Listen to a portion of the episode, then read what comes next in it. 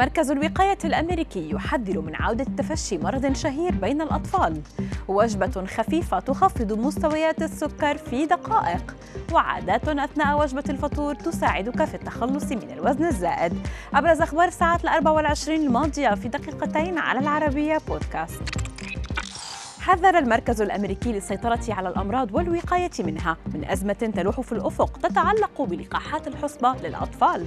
فالأرقام تشير إلى أن أكثر من 22 مليون طفل لم يحصلوا على جرعتهم الأولى من لقاح الحصبة وهو ما يمثل أكبر زيادة منذ عقدين. فيما تم تأجيل 24 حمله تطعيم في 23 دولة بسبب جائحة كورونا. ورغم أن الحصبة هي أحد أكثر الفيروسات المعدية في العالم إلا أنه يمكن الوقاية منها بالكامل تقريبا. من خلال التطعيم. على الرغم من أنه لا توجد ضمانة بأن يؤدي لقاح الإنفلونزا إلى وقاية نهائية من الإصابة بالعدوى إلا أن تقريرا يعرض الأسباب التي تحتتم ضرورة الحصول عليه. في المتوسط يكون الأشخاص الذين يحصلون على لقاح الإنفلونزا أقل عرضة للإصابة بالفيروس بنسبة تتراوح بين 40 و 60% مقارنة بالأفراد غير الملقحين.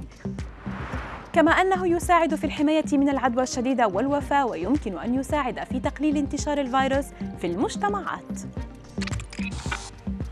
تميل مستويات السكر في الدم إلى الارتفاع بعد تناول الطعام. ما يمثل مشكلة للمصابين بداء السكر من النوع الثاني. ولكن ثبت علميا أن وجبة خفيفة ورخيصة الثمن قد يكون لها تأثير معاكس في غضون دقائق من تناولها. فتشير الأبحاث إلى أن تناول الزبيب يؤدي إلى مقاومة ارتفاع مستويات السكر في الدم وخفض هذه المستويات في غضون 120 دقيقة من تناوله.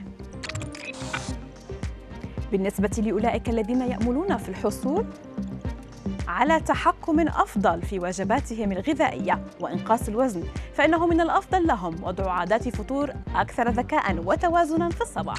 وبحسب موقع Eat This Not That فهذه أفضل العادات لتناول وجبات الإفطار. التركيز على البروتين والخضروات والفواكه شرب كمية مناسبة من الماء تأخير وجبة الفطور فيما يعرف بالصيام المتقطع تناول الشاي الأخضر العضوي في الصباح لتحسين الأيض.